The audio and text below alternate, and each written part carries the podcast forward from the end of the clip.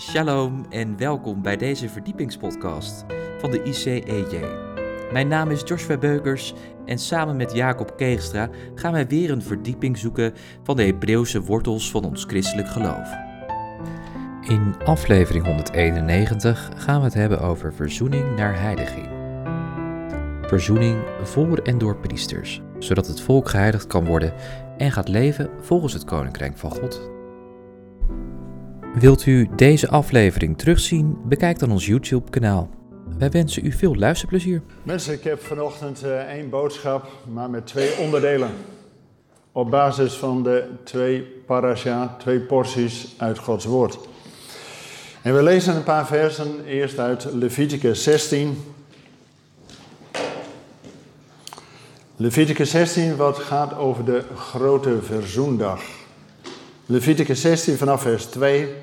Toen zei God tegen Mozes: Spreek tot uw broer Aaron. En zeg dat hij niet ten alle tijden in het heiligdom binnen het voorhangsel mag komen voor het verzoendeksel dat op de ark ligt, opdat hij niet sterft, want ik verschijn in de wolk op het verzoendeksel.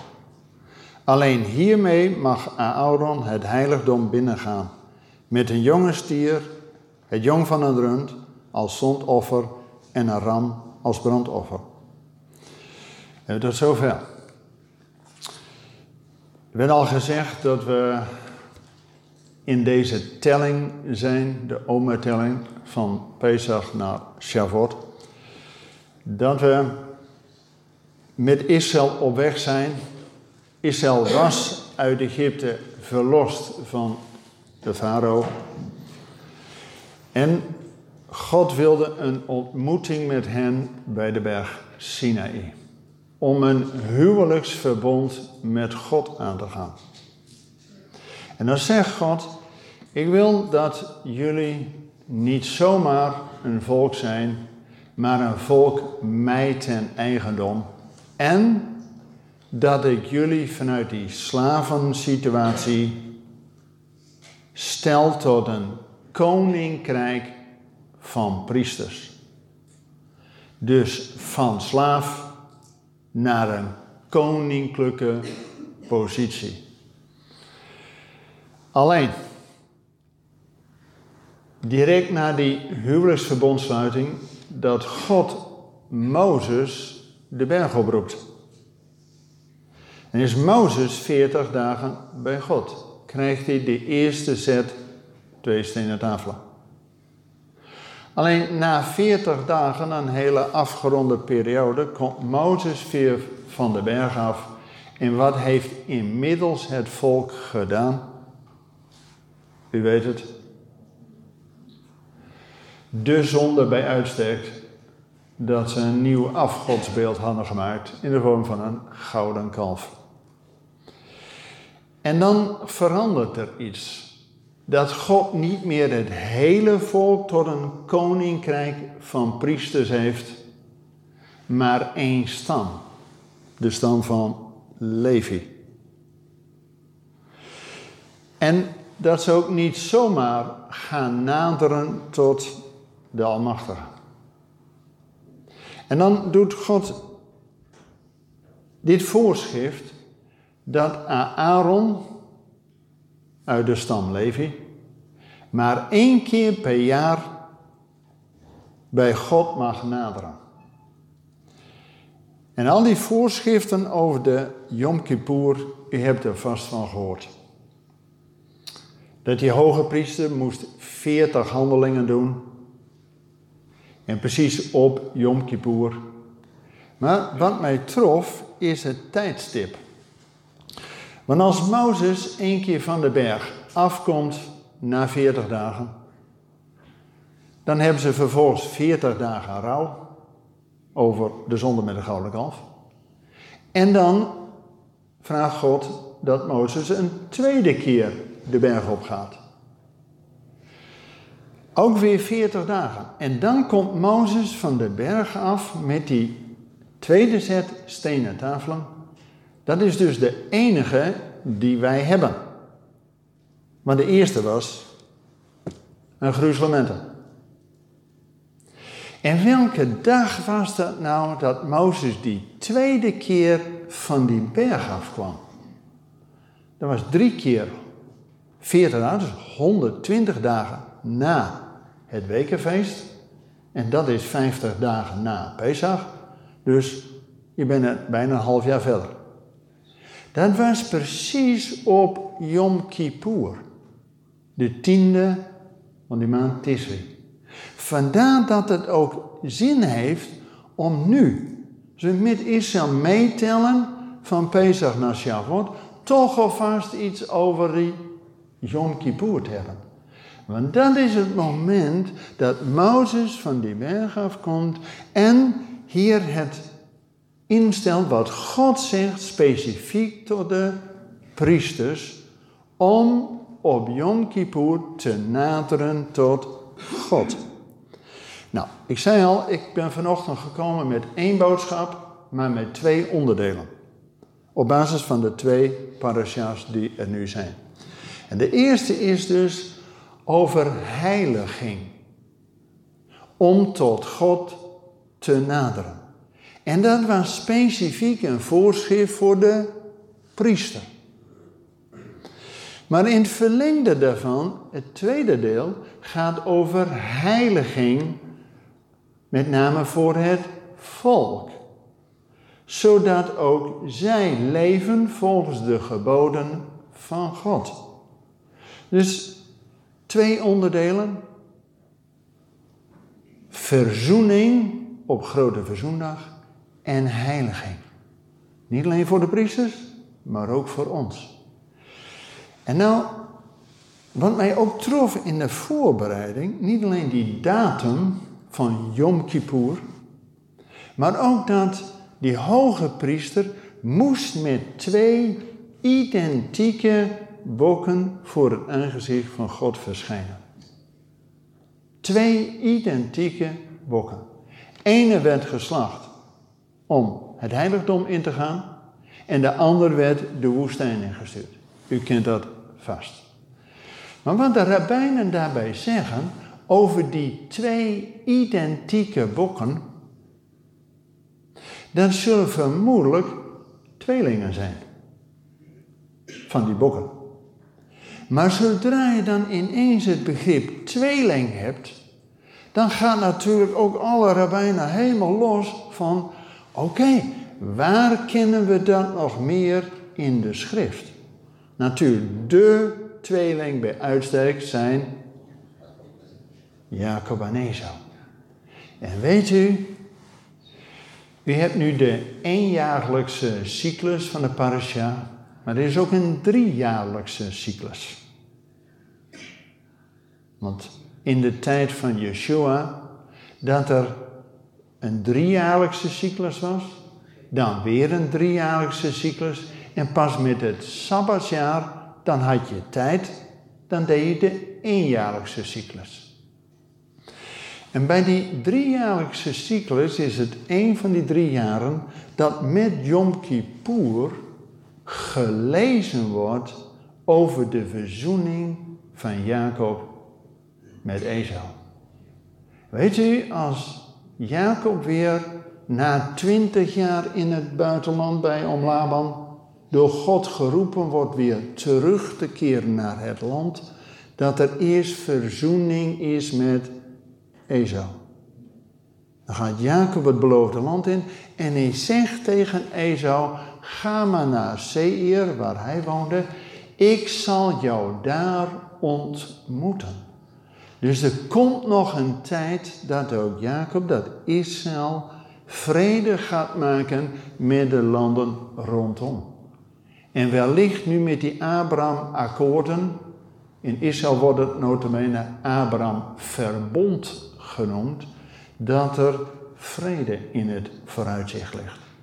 Dus met name op basis van deze tekst, die ook met Yom Kippur gelezen wordt, die verzoening tussen Jacob en Esau.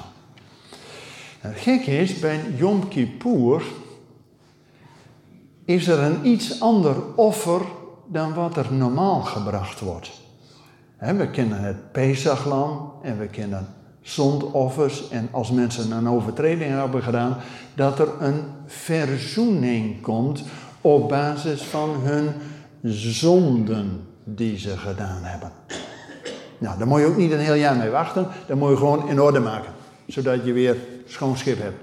Zeker tussen jou en je naaste. Maar God stelt met name ook Yom Kippur in voor al die andere ongerechtigheden. Die je vaak niet zo bewust bent dat je ze gedaan hebt, maar waardoor toch die naaste afstand ten opzichte van jou houdt. Met name bij Yom Kippur gaat het niet alleen om de schuldoffers, waar het woord kapara van is. Yom Kippur heeft met kapara te maken. Maar ook een ander begrip, dat heet tahara, dat is schaamte. Want ook wij leven hier in Europa in een schuldcultuur. Als je iets misdaan hebt, moet je iets betalen zodat de schuld weer is opgelost. Maar zeker in het Midden-Oosten heb je ook een schaamtecultuur, wat veel eerder ook in jezelf zit. En daar wil God ook mee afrekenen, zodat hij één dag in het jaar zet om daarvan verlost te worden. En weet u, Yom Kippur is heel duidelijk dat wij geen wraak hebben naar onze naasten, maar laat de wraak aan God. Nou, op Yom Kippur is een hoop te zeggen. Ook al die veertig handelingen die die priester moest doen, eerst om reiniging voor zichzelf te doen, voordat hij in de bediening gesteld kon worden om verzoening voor het volk te doen. Nou, het tweede deel is, en dan wil ik u lezen uit Leviticus 19. En dat gaat met name over het volk, ook voor ons als gemeente. In Leviticus 19 daar staat, de Heer sprak tot Mozes. Spreek tot heel de gemeenschap van Israël. En zeg tegen hen, heilig moet u zijn, want ik, de Heer uw God, ben heilig. Wauw. De eerste gedeelte was dat God tegen, via Mozes, tot Aaron sprak. Dus een priestelijke inzetting. Nu gaat het dat God via Mozes tot heel het volk spreekt. En zegt tegen hen, wees heilig, want ik, de Heer, uw God, ben heilig. Dus dit is een verordening, een opdracht voor heel het volk. En daar kunnen wij ons mee identificeren. En waar is dat nou goed voor? Dat het volk heilig leeft. Zoals die verzoening voor die priesters was nodig om te naderen tot God. Zodat de weg tot de Vader weer open is. Zodat het volk weer thuis kan komen bij de Vader. Nou, wij mogen als Christelijke ambassade begin september weer een Israël weekend organiseren op de Bettelt. En straks bij de uitgang krijgt u ook uh, de flyer daarvan. En het thema is niet voor niks eigenlijk heel profetisch gekozen. Kom thuis bij de Vader. Jongens, daar willen we toch allemaal naartoe. Niet alleen voor Israël, maar ook voor ons. Kom thuis bij de Vader. En de allerlaatste tekst uit onze Oude Testament zegt dat God die profeet Elia zal sturen om wat te doen? Het hart van de kinderen terug te brengen tot het hart van de vaderen. Dat is in de eerste plaats harmonie in het gezin. Amen. Maar er zit een tweede laag in. Dat hij ook de kinderen Israëls terugbrengt tot de vaderen, dat zijn Abraham, Isaac en Jacob tot het geloof van Abraham, Isaac en Jacob. Zodat ook zij weer deel worden van het plan van God om zijn volk tot een hoofd der volkeren te maken. En er zit in die tekst nog een derde laag. Wij als gelovigen uit de volkeren, weet u hoe wij genoemd worden in het Nieuwe Testament? Neem de apostel Johannes. meest geliefde discipel van Jezus, die noemt ons kinderen. Lees de hele eerste Johannesbrief maar na. Allemaal kinderen. En dat ook wij terugkeren tot het hart van de vaderen. Zodat er geen vervangingstheologie is, maar dat we samen met Israël in het plan van God. Alleen, nou komt hij. God wil ook zijn volk, maar ook ons, dat we heilig leven. Dat wil zeggen dat we aan de kant van God staan. Apart gezet van de wereld, zodat we aan de kant van God staan. Om wat te doen? Nou, we hebben al het Shema gezongen, maar ook in het verlengde ervan wat Yeshua zei. Heb God lief boven alles en je naaste als. Amen. En dat staat nou precies in dit tweede parasha, Leviticus 19.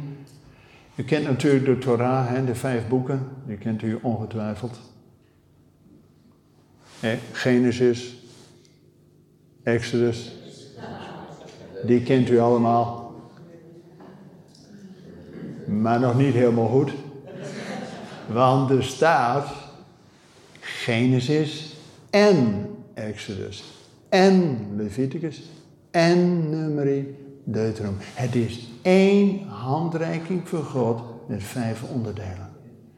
En het begint met de schepping en het eindigt met de zegen.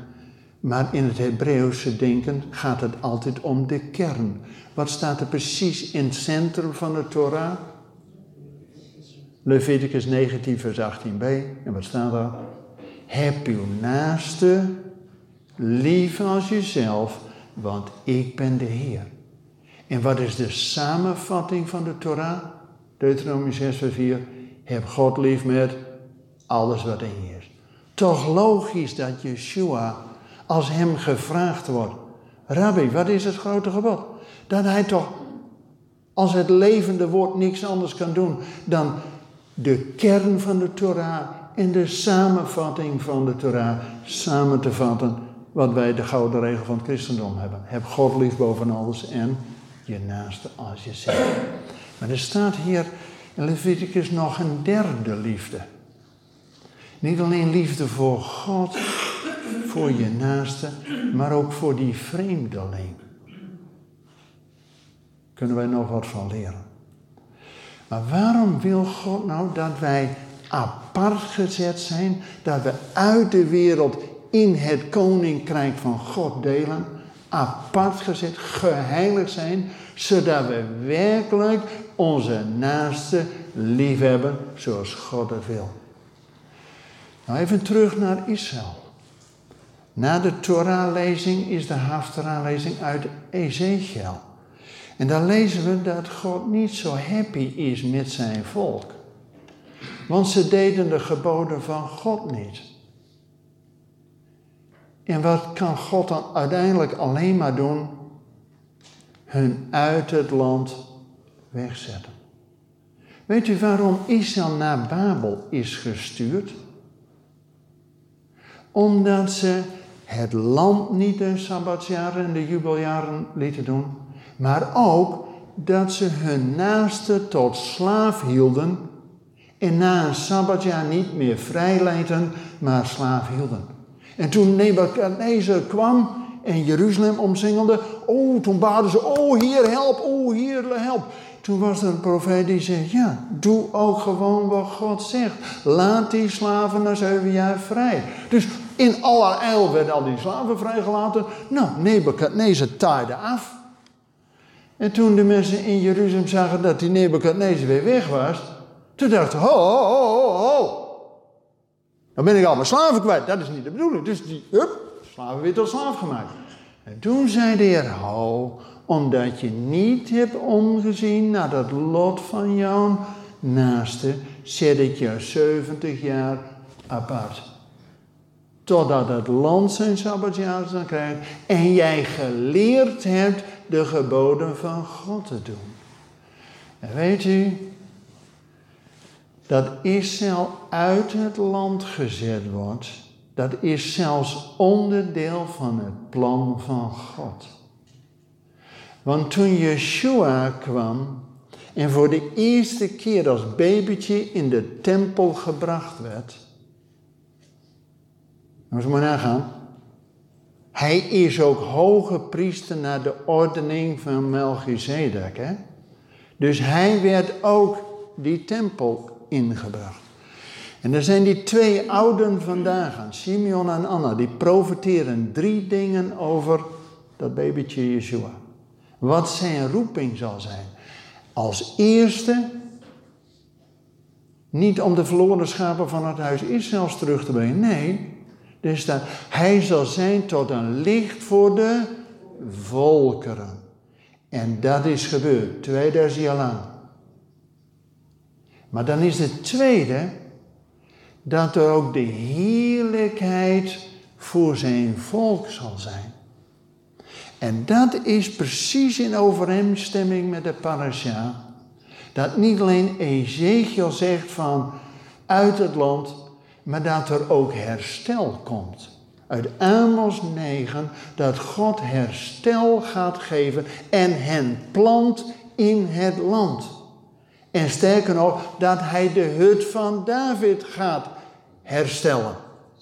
Nou, even iets over dat plan van God. We kennen Romeinen 11, dat wij geënt zijn op Israël. Dat is een bekende tekst.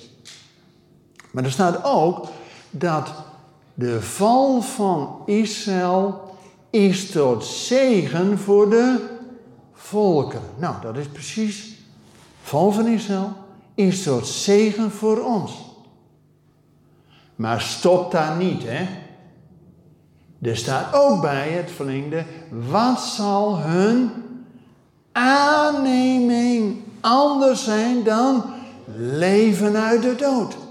Dus dat God zijn volk terugbrengt in het land is deel van de profetie, is deel van het plan van God. En weet u, waar haken wij daar nou bij aan? Dat God dat met Israël doet. Amen. Maar dan kunnen wij nog vreemdelingen en toeschouwers zijn. Wat hebben wij daarmee te maken? Nou, de eerste kerkelijke concilie staat in Handelingen 15. Was de vraag: wat moeten we nou in Israël met al die heidenen doen die tot geloof komen? Mogen die er wel bij? Tegenwoordig hebben we de vraag omgedraaid. Hè?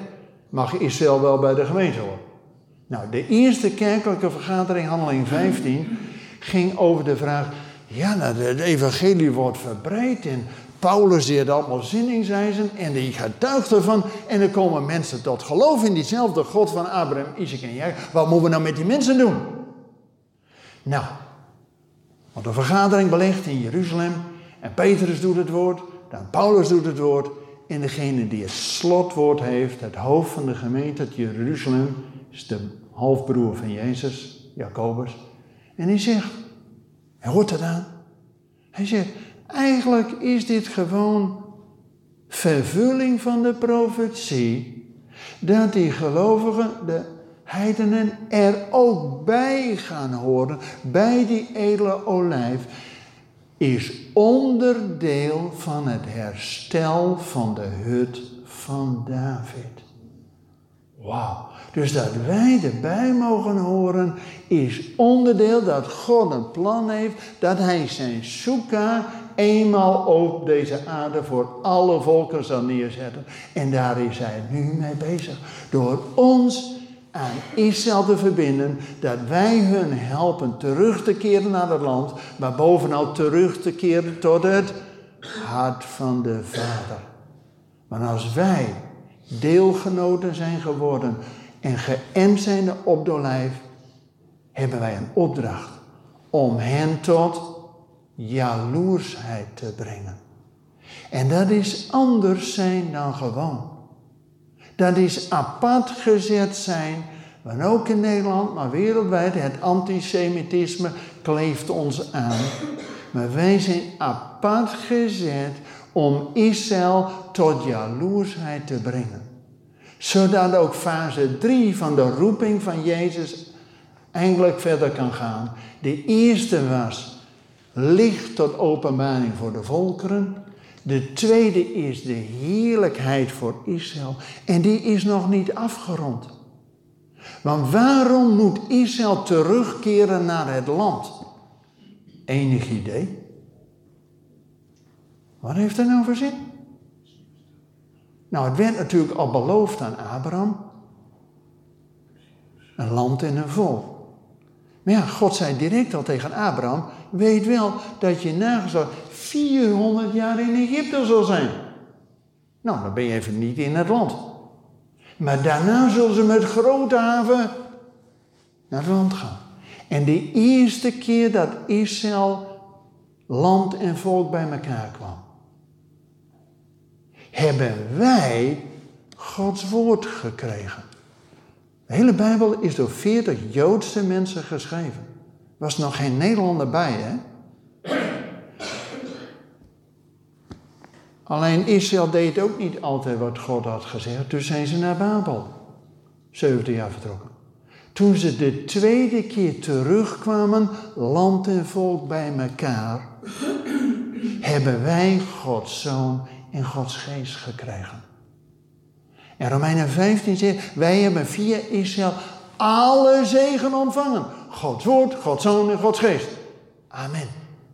Nu Israël na 2000 jaar omzwerving eindelijk voor de derde en laatste keer terugkomt in het land. Welke zegen staat er straks voor ons in een verschiet? Als hun val al zegen voor ons was, wat zal hun aanneming anders zijn dan leven uit de dood? Maar één ding kan dat betekenen: dat we samen uitzien naar die grote dag dat Yeshua, de Messias van Israël, komt. En dat wordt leven uit de dood voor deze ganse schepping. Dan hoeven we elkaar niet meer te, aan te stoten van, oh, ken de Heer. Dan kennen we hem allemaal. En dan pas zal er vrede zijn vanuit Jeruzalem over de wereld.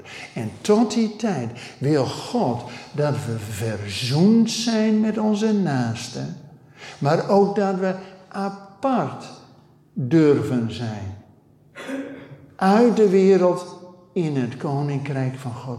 En dat verandert nogal wat in ons denken. Vandaar dat Romeinen 12 zegt, nou dat hele beroemde gedeelte van Romeinen 9 tot 11, dat we erbij horen. Dan staat de opdracht voor ons, de toepassing, wordt vernieuwd door de vernieuwing van je denken. Zodat je mag weten wat de wil van God is. Het goede, het beste en het perfecte. Dat heeft God voor ons. Maar dat betekent wel een bekering in ons denken. Dat we gereinigd worden van alles van Egypte uit ons leven. Dat we geheiligd worden door Gods Heilige Geest. En dat we mogen leven zoals God gebiedt. En eigenlijk is dat niet zo moeilijk, hè? Van al die 630 geboden, jongens, er is maar één ding belangrijk. Heb God lief boven alles en je naaste als jezelf. Je mag jezelf ook lief hebben. Daartoe kwam Yom Kippur, dat al die schuld en schaamte waar je mee zit, bij de Heer mag brengen. Mensen, we gaan afronden. Maar dit kunnen we niet uit eigen kracht. Hier hebben we Gods geest voor nodig. Zullen we daarvoor bidden? Mag ik u voorgaan in gebed? Vader in de hemel, dank u wel dat het openen van uw woord verspreid ligt. En Heer, we hebben zo de inwoning van uw Heilige Geest nodig om te weten hoe laat het is. Waar het op aankomt. Dat we ons leven op orde hebben. Heer, dat we als kinderen van het licht mogen leven. Dat we als gemeente ook geroepen zijn om een licht te zijn in deze regio. Heer, dat we verbonden zijn als gemeente maar ook als Nederland verbonden zijn met Israël. Heer, en als zij 75 jaar onderweg zijn. Ook Abraham was 75 voordat hij onderweg ging naar het beloofde land. Heer, we willen ook bidden dat we samen met Israël onderweg zijn naar die grote dag. Dat u, Yeshua, stuurt vanuit de hemel, dat hij zijn voet zal de olijfberg raken.